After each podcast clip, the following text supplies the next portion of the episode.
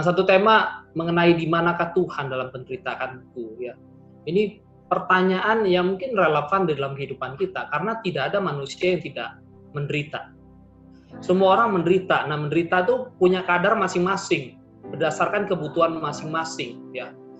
Ada hierarki Maslow itu kan kebutuhan orang itu ada level terendah adalah uh, kebutuhan materi, uang dan lain sebagainya sampai naik kepada rasa aman, naik terus sampai ke aktualisasi. Nah, ada orang yang merasa tidak menderita ketika barangnya hilang, tetapi ada orang yang yang sangat menderita ketika barangnya hilang. Tetapi ada bagian lain adalah orang nggak menderita ketika dia nggak bisa mengaktualisasikan dirinya. Tetapi ada orang yang menderita ketika dia tidak bisa mengaktualisasikan dirinya, tidak merasa aman dan lain sebagainya. Ini berdasarkan kebutuhan kita dan keunikan kita. Tetapi semua manusia itu pasti menderita. Sehingga pertanyaan yang relevan adalah kayak gini, dari mana sih asalnya penderitaan? Ya dari gambar ini orang lapar pun menderita. Ya. Jadi lapar itu dekat dengan kehidupan kita.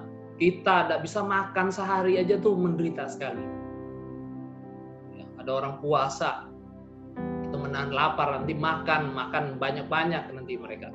Akhirnya kita pertanyaan pertama adalah dari mana asalnya penderitaan? Kalau ke ujungnya yang pertama pasti kita secara dogmatis, secara sistematik teologi, kita akan melihat penderitaan awal mulanya itu hadir karena dosa. Ya. Dosa mula-mula hadir ketika manusia Adam dan Hawa tidak bertanggung jawab dengan kebebasannya, melanggar perintah Allah dan dengan kesombongannya ingin seperti Allah. Ini kejadian yang kita sama-sama tahu. Saya menganggap kalian sudah cukup tahu untuk bagian hal ini. Maka dari itu saya lanjutkan aja. Nah, dosa penyebabnya Allah. Jadi ada sebagian orang menganggap ya penyebab dari dosa ya adalah Allah. Kenapa Allah menciptakan manusia? Akhirnya manusia itu diizinkan jatuh dalam dosa. Kenapa kayak gitu? Kok bisa? Tetapi kalau kita melihat ya, manusia itu diberikan kehendak bebas. Buktinya dari mana? Tuhan memberikan satu perintah, jangan. Ya. Kalau Tuhan tidak memberikan satu perintah, manusia itu hanya boneka. Tuhan bilang mandatnya usahakanlah semua ini. Ketika si Adam menunda dan tidak melakukannya tidak masalah karena tidak ada aturan jangan, tetapi ada satu hal yang kata Tuhan jangan kamu makan buahnya. Jika engkau memakannya, pastilah engkau mati. Nah, di sinilah Tuhan memberikan kata perintah, satu perintah, jangan. Nah, dari kata jangan ini, di situlah ada indikasi bahwa manusia itu diberikan kehendak bebas. Jadi di dalam kehendak bebasnya, Tuhan sudah kasih tahu konsekuensi dari pelanggaran itu. Dan akhirnya kehendak bebas satu gambaran manusia dicipta menurut gambar Allah. Dalam artian kayak gini, Tuhan menciptakan manusia itu menurut gambar dan rupa dia. Nah salah satu gambar Allah itu adalah manusia memiliki kehendak bebas. Namun di dalam kehendak bebasnya manusia itu bisa berbuat dosa dan bisa tidak berbuat dosa. Namun pada akhirnya Adam dan Hawa itu jatuh di dalam dosa itu. Nah, akhirnya pertanyaannya demikian sesuai tema kita. Dalam keberdosaan Adam Hawa, di manakah Tuhan? Coba kalian renungkan. Di manakah Tuhan ketika Adam Hawa itu jatuh di dalam dosa? Tuhan tahu nggak ketika Adam dan Hawa jatuh di dalam dosa? Bagi saya Tuhan tahu. Tuhan Tuhan itu maha hadir, maha tahu, dan ketika Tuhan itu menjenguk Adam dan Hawa yang telah jatuh di dalam dosa, yang merasa malu karena dirinya telanjang, akhirnya Tuhan itu datang dengan suasana sejuk. Ya, kalau kalian melihat tuh di dalam kejadian, biasanya Tuhan datang dengan murka itu dengan datang dengan badai, tapi kali pertama kali Tuhan datang dengan angin yang sejuk itu menandakan bahwa Tuhan beranugerah mencari dan Tuhan sudah tahu bahwa Adam dan Hawa telah jatuh di dalam dosa. Akhirnya dalam keberdosaan Adam, Hawa di manakah Tuhan? Akhirnya pertanyaannya kayak gini, apakah ketika Adam dan Hawa digoda dan jatuh dalam dosa, Tuhan tidak ada dan tidak melihat? Kalau saya melihat secara sistematik teologi, Tuhan itu ada dan Tuhan itu melihat. Tetapi Tuhan mengizinkan. Dan di dalam kedaulatan Tuhan, Tuhan mengizinkan keberdosaan itu terjadi dan keberdosaan itu tidak menghalangi kemuliaan dari Tuhan. Nanti akan saya lanjutkan pernyataan saya ini. Nah, kehadiran Allah tidak harus dirasakan ciptaan, tidak selalu harus dirasakan ciptaan. Dalam artian kayak gini, teman-teman. Ketika engkau merasa menderita, ada kalanya engkau tidak merasakan Tuhan itu hadir, tidak merasakan Tuhan itu menjawab akan setiap pergumulanmu, akan doamu. Dan ketika engkau tidak merasakan itu, bukan berarti Tuhan tidak ada. Jadi kehadiran Tuhan itu tidak harus selalu dirasakan ciptaan. Ya. Dan Tuhan bertanya kepada Adam dan Hawa ketika mereka jatuh dalam dosa adalah bentuk konfirmasi dan pertanggungjawaban mereka terhadap tindakan pelanggaran mereka. Ya. Namun di dalam dunia yang telah berdosa ini manusia menghadapi realitas sumber-sumber penderitaan. Jadi kalau kita kembali kepada pertanyaan tadi, dari mana asal penderitaan? Itu pasti adalah dari dosa. Namun, dalam dunia yang telah berdosa ini, manusia menghadapi realita sumber-sumber penderitaan. Nah, sumber-sumber penderitaan itu tidak hanya soal iblis saja, rupanya. Tapi ada lima hal yang perlu kita ketahui. Mungkin ada teman-teman yang sudah belajar ini tahu saya akan menyebutkan lagi namun saya akan memberikan lebih kepada perenungan-perenungan untuk kita lebih mengerti di dalamnya. Yang pertama adalah sumber penderitaan itu berasal dari kesalahan dan dosa diri sendiri, teman-teman. Jadi manusia itu diciptakan Tuhan dengan kehendak bebas. Kita bukan boneka, boneka, boneka, ya. Karena Tuhan tuh menciptakan kita dengan kehendak bebas, kita bisa berbuat dosa dan bisa tidak berbuat dosa. Tetapi Santo Agustinus mengatakan di luar Kristus, manusia itu bisa tidak eh tidak bisa untuk tidak berbuat dosa. Non pose non pecare. Jadi dosa itulah yang membawa manusia itu kepada penderitaan itu sendiri. Dosa yang disebabkan oleh diri sendiri. Misalnya contoh kayak gini, ya. Misalnya contoh ada orang yang tahu bahwa memakai narkoba itu adalah tindakan dosa dan dia melakukan itu dan pada akhirnya dia menderita dan dia pada akhirnya meninggal dunia karena narkoba itu atau juga dia melakukan seks bebas dan dia tahu seks bebas itu dosa tetapi dia melakukan dengan kesadaran dia akhirnya dia jatuh di dalam sakit AIDS jadi itu karena kesalahan dia bisa aja dia akan bertanya kepada Tuhan, Tuhan mengapa engkau izinkan ini terjadi? Tetapi kalau kita melihat secara diri sendiri, kita yang telah melakukan kesalahan itu. Ya. Di dalam 1 Petrus 2 ayat 20, sebab dapatkah disebut pujian jika kamu menderita pukulan karena kamu berbuat dosa? Ya kalau kamu berbuat dosa dan kamu menderita, ya itu salah kamu tetapi jika kamu berbuat baik dan karena itu kamu harus menderita, maka itu adalah kasih karunia pada Allah. Ya.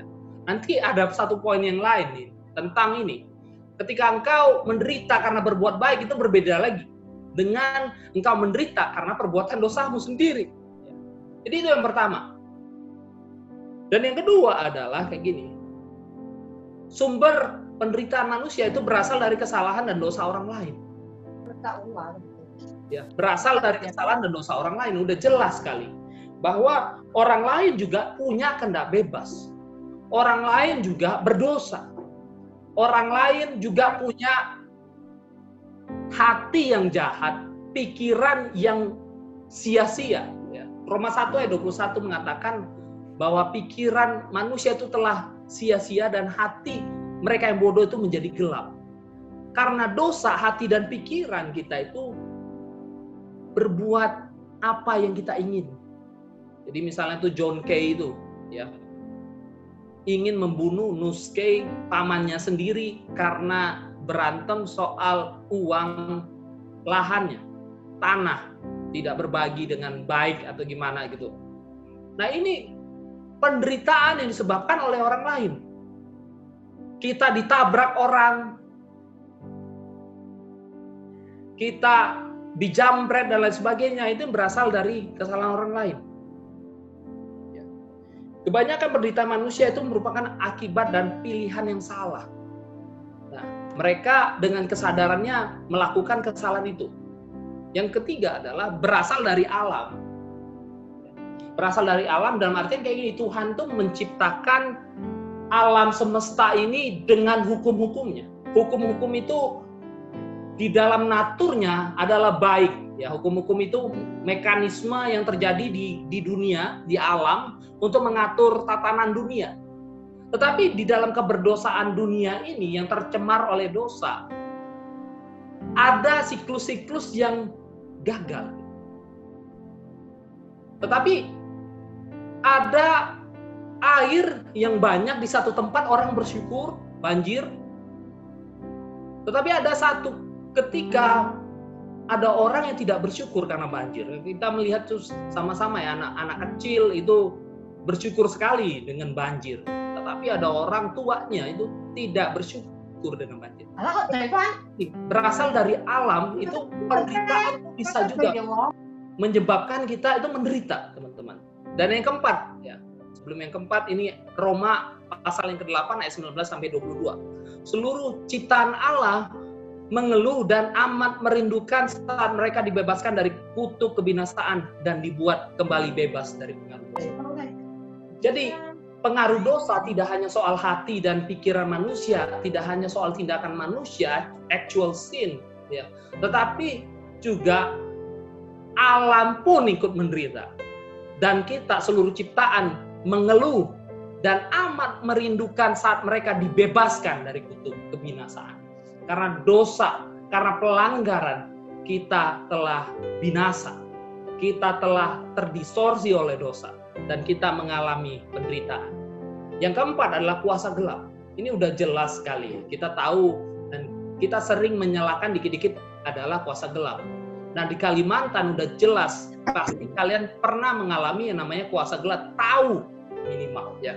Tahu kuasa gelap saya itu pernah melihat orang kesurupan dan pernah saya mendoakan orang yang kesurupan itu. Ya. Ada satu anak kesurupan, dia tuh ketemu hantu katanya. Yang hantu itu mengatakan, saya pengen bunuh kamu, pengen bunuh kamu. Dia takut sekali dibawa psikiater oleh mamanya, tapi psikiaternya bilang, waduh ini tidak bisa ditolong. Akhirnya dibawalah ke gereja, dia agama yang berbeda.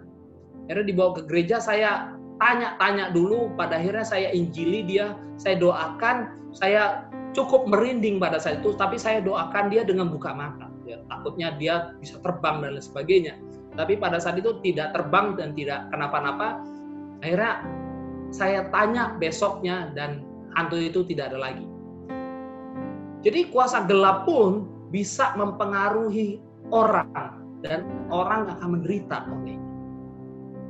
Tetapi kuasa gelap tidak pernah membunuh secara langsung seperti film-film ya pedang itu terbang nancap ke perut orang itu tidak ada. Karena manusia itu tidak mungkin dibunuh oleh kuasa gelap, oleh iblis, oleh setan. Ya. Kalau kita melihat tuh di dalam kitab Ayub, Tuhan izinkan iblis untuk mencobai Ayub, tetapi jangan ambil nyawanya yang mengambil nyawa anak anaknya adalah orang orang lain yang dipengaruhi oleh kuasa gelap, dipengaruhi oleh keserakahan.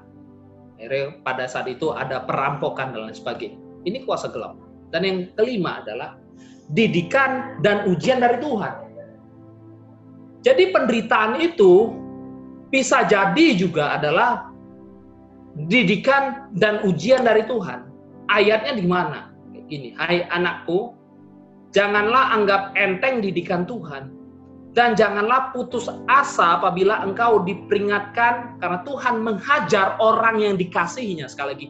Karena Tuhan menghajar orang yang dikasihinya, dan ia menyesal orang yang diakuinya sebagai anak. Dalam artian Tuhan itu mendidik kita dengan keras. Ketika kita menyimpang, kalau kita anaknya, dia itu bisa pukul kita dengan rotan. Ya, ini rotan itu dalam istilah ya. Dan ia menyesal orang yang diakuinya sebagai anak. Nah, penderitaan yang kita alami itu bisa kita hayati sebagai didikan dari Tuhan. Misalnya contohnya kayak gini, ya teman-teman. Ini satu penderitaan yang saya alami dan penderitaan ini bisa kompleks adanya. Bulan Desember saya itu pulang ke Jambi. Pulang ke Jambi, kemudian ketika saya pulang ke Jambi, saya tanggal 31 biasanya malam itu uh, saling maaf maafan, saling mendoakan dan lain sebagainya. Bersyukur tanggal 1 Januari paginya ya, saya buka WA itu ucapan selamat tahun baru, selamat tahun baru. Tiba-tiba ada satu WA isinya itu foto teman-teman. Kemudian saya buka foto itu, ah, foto apa gitu. Fotonya nggak terlalu jelas. Rupanya foto itu adalah foto banjir. Foto banjir, mobil saya itu kebanjiran sampai seatap. Yang awalnya saya bersyukur tanggal 31 Desember, tanggal satunya saya menderita. Mobil saya kebanjiran seatap. Salahnya siapa? Siapa yang penyebab penderitaan ini? Bisa jadi ini adalah kelalaian saya. Tetap enggak juga. Ini adalah dari alam itu sendiri. Ya, hujan, siapa yang bisa ngatur hujan? Akhirnya saya nunggu surut airnya, saya kan di Jambi, saya minta tolong orang untuk menderek bawa ke daratan yang lebih tinggi. Selama enam bulan mobil itu belum beres-beres, sampai minggu lalu baru beres. Ya ini ini penderitaan teman-teman. Habis puluhan juta. Cukup menderita saya. Tetapi ada yang saya maknai. Jadi Tuhan itu berdaulat. Tuhan itu mengerjakan di dalam situasi baik atau buruk untuk kebaikan kita. Jadi saya berusaha untuk memaknai apa sih maksud Tuhan di dalam penderitaan. Akhirnya saya melihat saya harusnya bersandar kepada Tuhan. Harusnya saya tidak berfokus kepada uang yang hilang, barang yang saya miliki adalah barang yang fana. Apa pun dalam kondisi apa pun bisa terjadi. Suatu bencana, satu kejadian, satu musibah, saya harus siap sedri, siap sedia untuk menghadapi itu dengan mengandalkan Tuhan. Itu yang pertama. Jadi saya juga melihat bahwa hidup itu di dalam ketidakpastian. Pengkorban menggambarkan itu. Bahwa ada orang saleh mati dalam kesalehannya, ada orang jahat hidup dalam kejahatannya. Hidup tuh penuh kerandoman. Orang baik belum tentu hidup di dalam kebaikan saja. Ada orang jahat udah pasti akan dihukum Tuhan di dalam dunia ini. Hukuman orang jahat bisa jadi bukan di dunia ini, dia bisa hidup senang-senang di dunia ini, tetapi ketika dia setelah selesai hidupnya di dunia ini, di situ ada hukuman yang kekal. Jadi saya belajar yang kedua adalah hidup itu tidak pasti.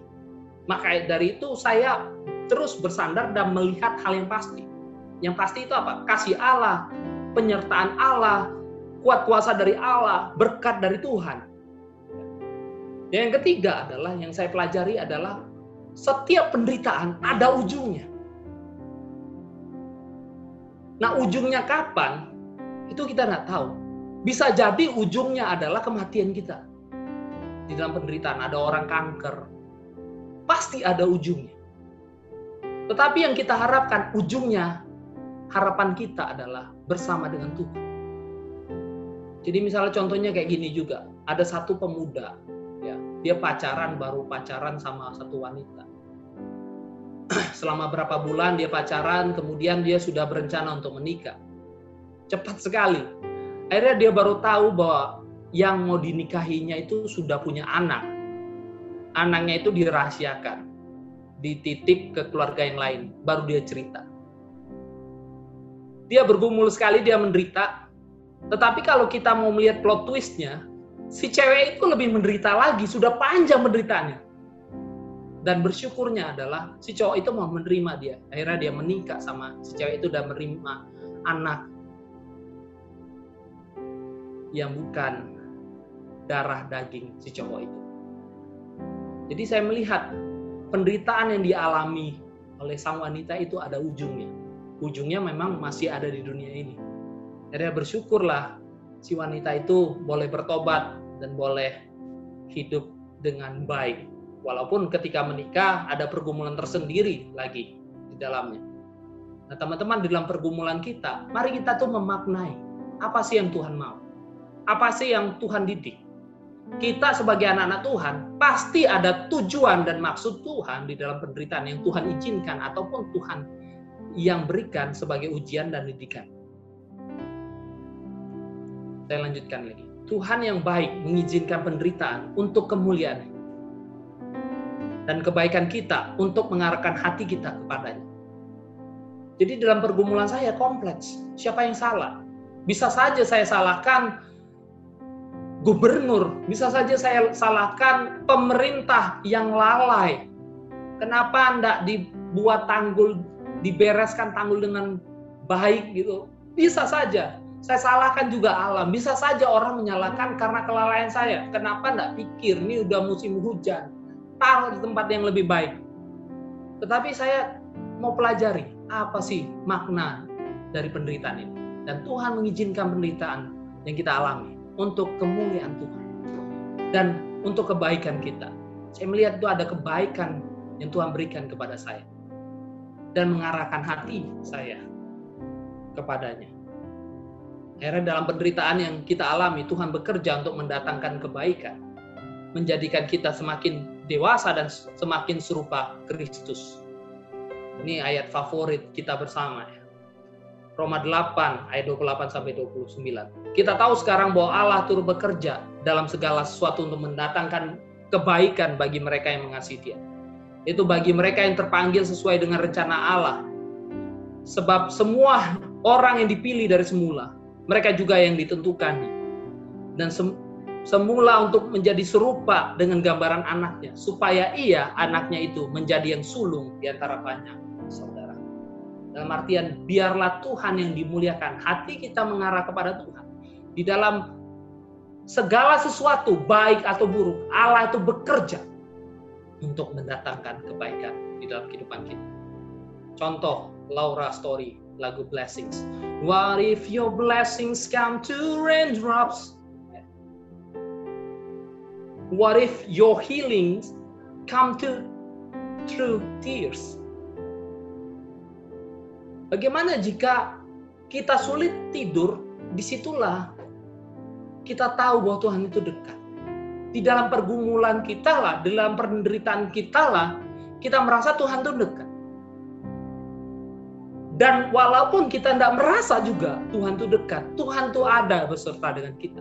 Sekali lagi, kehadiran Tuhan itu tidak mesti di dalam perasaan kita, kita merasa atau tidak merasa, Tuhan selalu ada beserta dengan kita.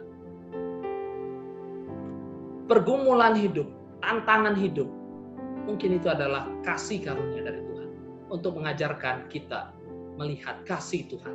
Kasih karunia cukup bagi kita. Karena di dalam kelemahanlah kuasa Tuhan menjadi sempurna. Itu kata Paulus. Nah, di dalam Mazmur 34 ayat 19 ini ayat favorit saya. Tuhan itu dekat kepada orang-orang yang patah hati. Ini menarik sekali dan indah sekali. Tuhan itu dekat kepada orang-orang yang patah hati dan ia menyelamatkan orang-orang yang remuk jiwanya. Jadi Tuhan itu dekat dan berkenan hadir di dalam pergumulan penderitaan kita. Jadi, ini poin yang terakhir. Jangan sia-siakan penderitaan dan pergumulanmu cari dan andalkan Tuhan, karena dalam penderitaan Tuhan dekat dengan kita. Akhirnya kita melihat dapat simpulkan bahwa penderitaan awal mulanya adalah dari dosa. Kita adalah manusia berdosa, orang lain adalah berdosa. Akhirnya sumber dari penderitaan itu bisa jadi adalah diri kita sendiri yang berdosa. Bisa jadi orang lain yang melakukan kesalahan dan dosa. Bisa alam, karena alam itu telah terdistorsi di dalam dosa. Bisa juga adalah kuasa gelap dan bisa juga adalah didikan dan ujian dari Tuhan.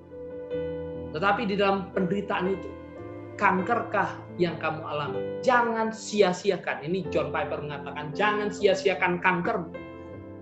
Karena di dalam kanker itulah Tuhan berkenan hadir memeluk kita. Dan bahkan Yesaya itu sampai masa putih rambutmu, aku menggendong kamu. Masa putih rambut itu ketika kita merasa tidak berdaya di dalam hidupan. Di situlah Tuhan menggendong kita. Tuhan berkenan hadir menghampiri kita di dalam pergumulan hidup kita. Ya. Nah, saya akan akhiri dengan satu cerita. Saya pernah ketemu seorang bapak di satu gereja. Nah, bapak ini punya sahabat dokter. Nah, sahabat dokter ini si dokter ini punya istri seorang dosen. Akhirnya mereka punya dua anak, beli rumah, dicicil, beli mobil dan lain sebagainya. Akhirnya mereka tuh berencana dan memikirkan hal yang indah-indah. Mereka pelayanan di satu institusi. Namun singkat cerita, sang dokter ini kena virus sehingga dia menyebabkan menyebabkan dia itu lumpuh total. Jadi selama 15 tahun dia lumpuh total. Akhirnya saya dibawa ke rumah dokter ini. Dokter ini kurus sekali. Kurus sekali karena tidak pernah bergerak tangannya selama 15 tahun. Si dokter ini pun tidak bisa ngomong lagi. Jadi ketika sahabatnya itu datang, dia hanya bisa menangis-nangis, meronta-ronta karena dia pengen ngomong. Tapi pada saat itu istrinya ada. Kemudian saya itu diminta untuk mendoakan dia. Saya bingung, saya mau doakan apa? Saya bergumul sekali. Saya bertanya dalam hati Tuhan, apa yang terjadi? Pergumulan apa yang dihadapi seorang dokter ini 15 tahun dia bergumul di dalam kelumpuhannya? Kita tidak tahu apa sih yang dia rasakan. Selama 15 tahun dia hanya terbaring di kursi. Dia hanya terbaring di ranjang saya terus bergumul untuk hal itu. Dan dua tahun yang lalu, dokter itu telah meninggal dunia. Dan ketika dokter itu telah meninggal dunia, akhirnya saya memaknai di dalam pemaknaan yang dangkal saya, sederhana saya. Saya menyadari di mana kasih karunia Tuhan itu. Saya menemukannya. Kasih karunia Tuhan adalah dengan menitipkan seorang istri yang setia beserta dengan dia selama 15 tahun. Jadi sang istri ini adalah perpanjangan tangan Tuhan, kasih Tuhan kepada sang dokter ini. Sang istri ini setia sekali memandikan dia, membersihkan kotoran dia, memberikan dia makan. Bisa jadi dia ditinggalkan. Nah, di sinilah teman-teman, Jangan sia-siakan menderita. Andalkan Tuhan. Pergumulan itu pasti ada ujungnya. Kalau kita beserta dengan Tuhan.